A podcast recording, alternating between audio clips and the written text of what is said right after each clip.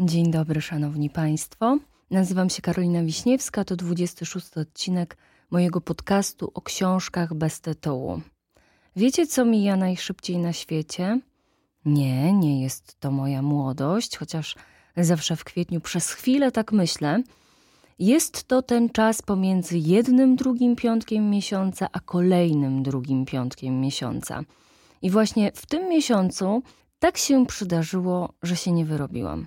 Mam delikatne opóźnienie, jest mi z tym bardzo źle, ale gwarantuję Wam, że gdybyście wiedzieli, z czego to opóźnienie wynika, to na pewno od razu byście mi wybaczyli. Mam też nadzieję, że w majowym odcinku będę już mogła przyznać się, co teraz tak całkowicie mnie zajmuje, a czego absolutnie, ale to absolutnie nie mogę zawalić.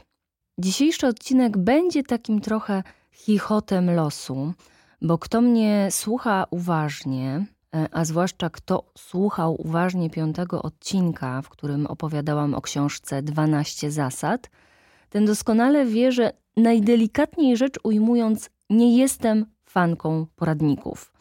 Mnie odkąd pamiętam, kojarzyły się one z czczymi obietnicami, że książka może sprawić, że nasze życie się odmieni i stanie się nieustającym pasmem sukcesów co oczywiście jest wierutną bzdurą, e, bo do zmiany życia potrzeba jednak też innych działań, innych wysiłków, oprócz przeczytania książki.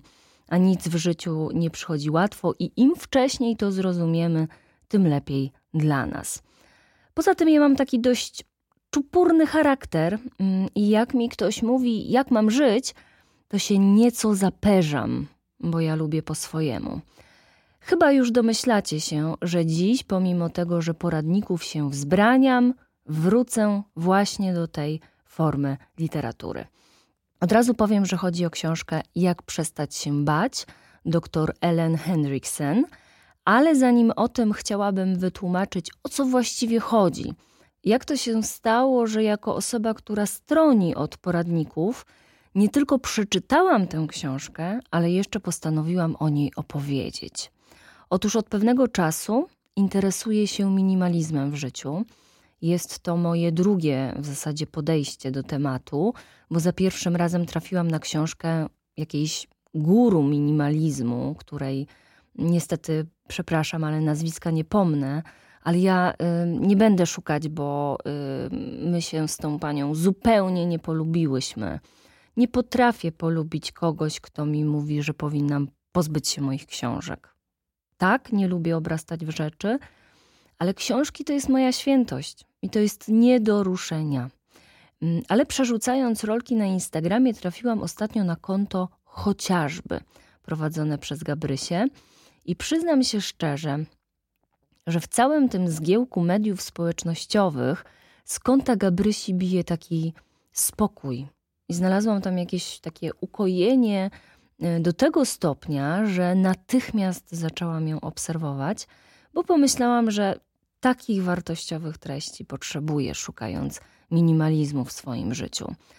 Połączyłam przyjemne z pożytecznym, bo chyba nawet tego samego dnia, kiedy zaczęłam obserwować chociażby, pojawiła się tam relacja z książką Jak przestać się bać. I być może to się właśnie nazywa skuteczny influencing, a może pomyślałam sobie, że znajduję z tą osobą wiele wspólnych cech, ale skończyło się na tym, że po kwadransie miałam tę pozycję na czytniku. Cóż o tej książce mogę powiedzieć? Nie napisała jej osoba przypadkowa, ani nie napisała jej osoba, która nie ma nic wspólnego z psychologią, nigdy nie była na terapii, ale rości sobie prawa do pouczania ludzi, bo sama zmierza się z lękami. E, tym samym myśli, że wie wszystko na ten temat. Mm, ale napisała tę książkę psycholożka, która na co dzień pracuje z ludźmi dotkniętymi lękami społecznymi.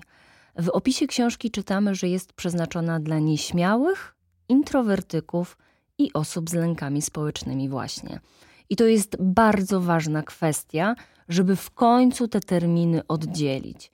Między nimi nie ma ani znaku równości, ani w żaden sposób z siebie te przypadłości. Wiem, że to nie jest najlepsze słowo, ale w tej chwili nic lepszego nie mam w głowie. Nie wynikają. Osoba nieśmiała nie zawsze jest introwertykiem, a introwertyzm nie powinien być mylony z lękami społecznymi, a tym bardziej z nienawiścią do ludzi. Tak, niestety i z takimi o tyle odważnymi, co bzdurnymi stwierdzeniami się spotykałam, ale na szczęście nie w tej książce. Możesz nie lubić ludzi, ale czy to jest wskaźnik y, i nierozłączna część introwertyzmu?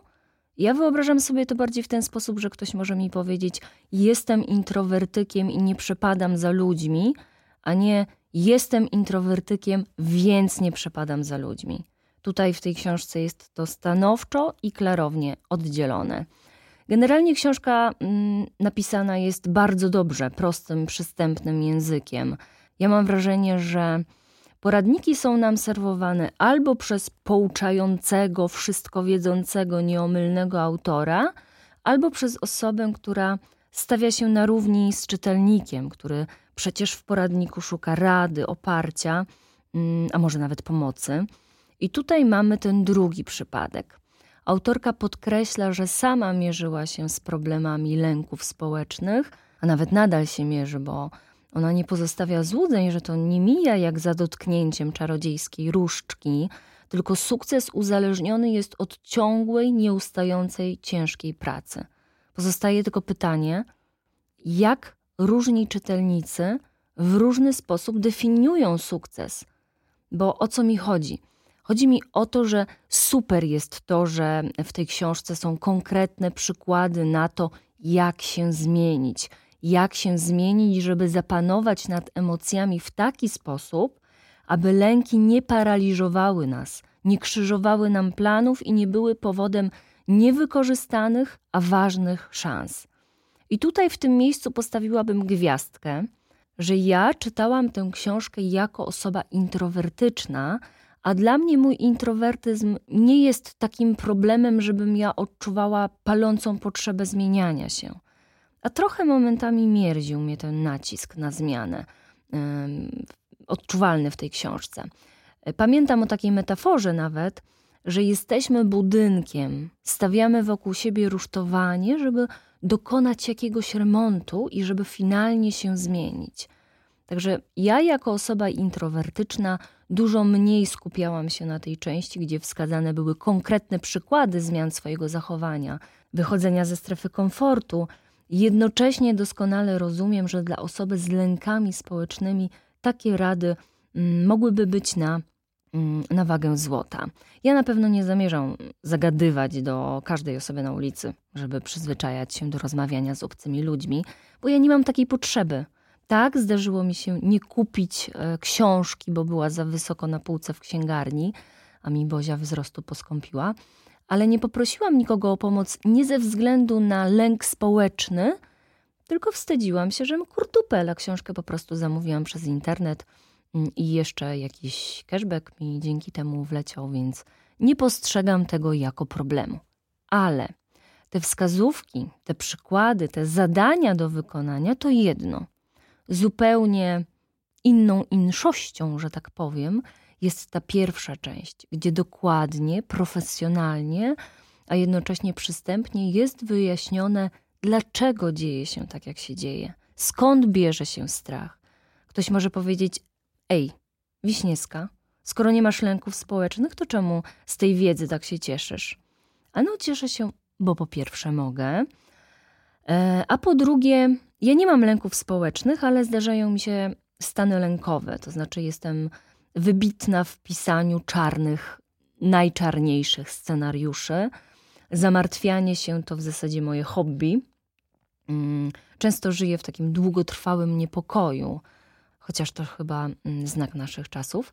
Ale dzięki Hendriksen poznałam takie mózgowe ciekawostki, że zrobiło mi się lżej bo wiem, że to nie jest moja wina ani moje widzimisię, tylko tak działa mój mózg. I na szczęście na odciąganie złych myśli też było parę tipów, z których korzystam. Naprawdę nigdy, przenigdy nie spodziewałam się, że coś takiego padnie z moich ust, ale to jeden z lepszych poradników, jakie przeczytałam.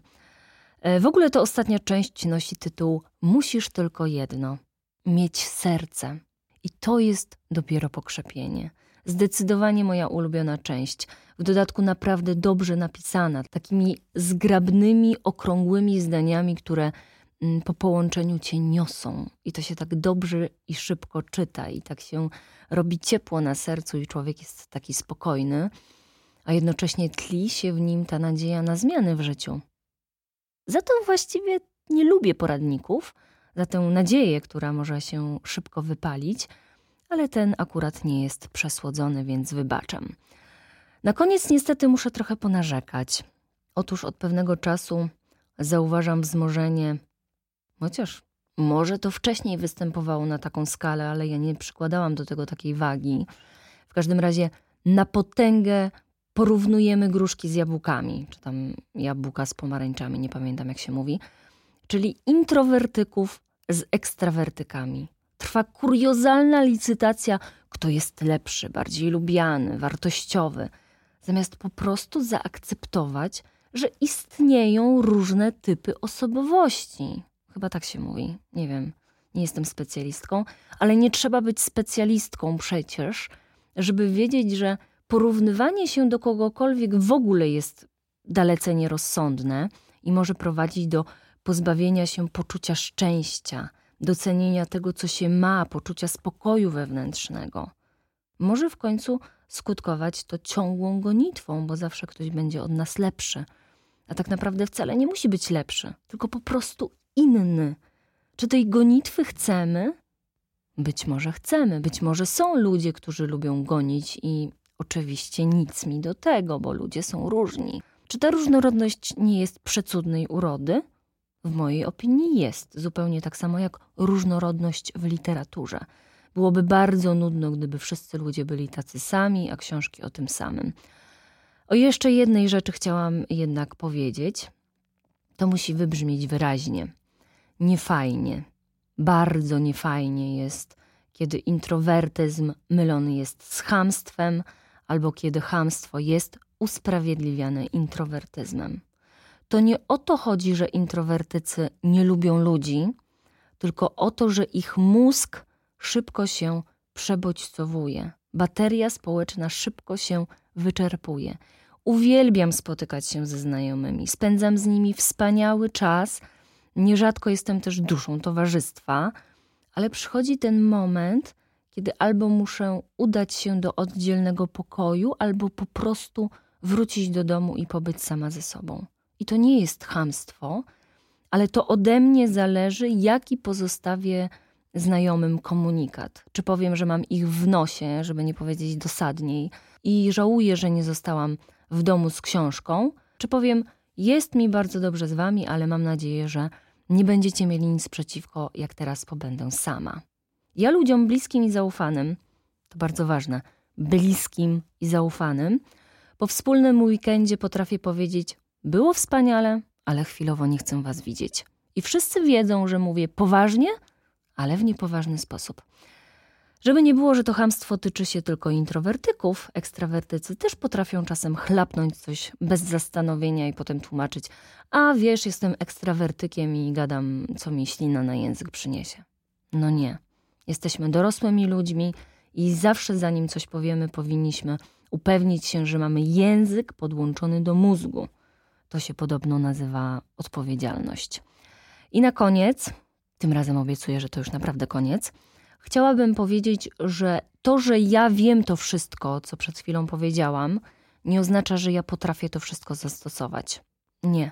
Bardzo bym chciała, ale jestem zwykłym śmiertelnikiem ze swoimi ułomnościami, z zapędami do porównywania się, z przeświadczeniem, że wszyscy są lepsi ode mnie, ale kiedyś ich dogonię.